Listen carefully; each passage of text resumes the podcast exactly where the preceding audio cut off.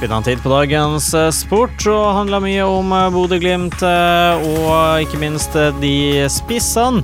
Og det handla bl.a. om Erik Botheim, som mandag ble fristilt av Rosenborg, og to dager senere signerte han for forrige sesongs suverene seriemestere. En utvikling som sikkert synes både merkelig og interessant både her og der. Glimt-trener Kjetil Knutsen er i hvert fall meget fornøyd med muligheten som plutselig bød seg.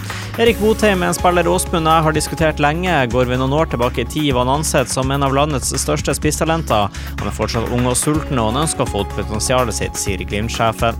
Mer om det kan du lese i Sportskien. Der kan du også lese at Kasper Junker var tilbake på treningsfeltet med Bodø-Glimt og har endelig trent med laget igjen. Mer om det i sporten. Bodø-Glimt har også hatt treningskamp i dag. Der møtte de Brann til lyst i Bergen. Det ble en eh, mindre hyggelig affære for Bodø-Glimt, som til slutt måtte se seg slått 2-0 borte mot Bergen. Men det som stjal overskriftene, var ikke kampen. Det var nemlig det faktum at kampen egentlig er forbudt og ikke har lov til å bli spilt.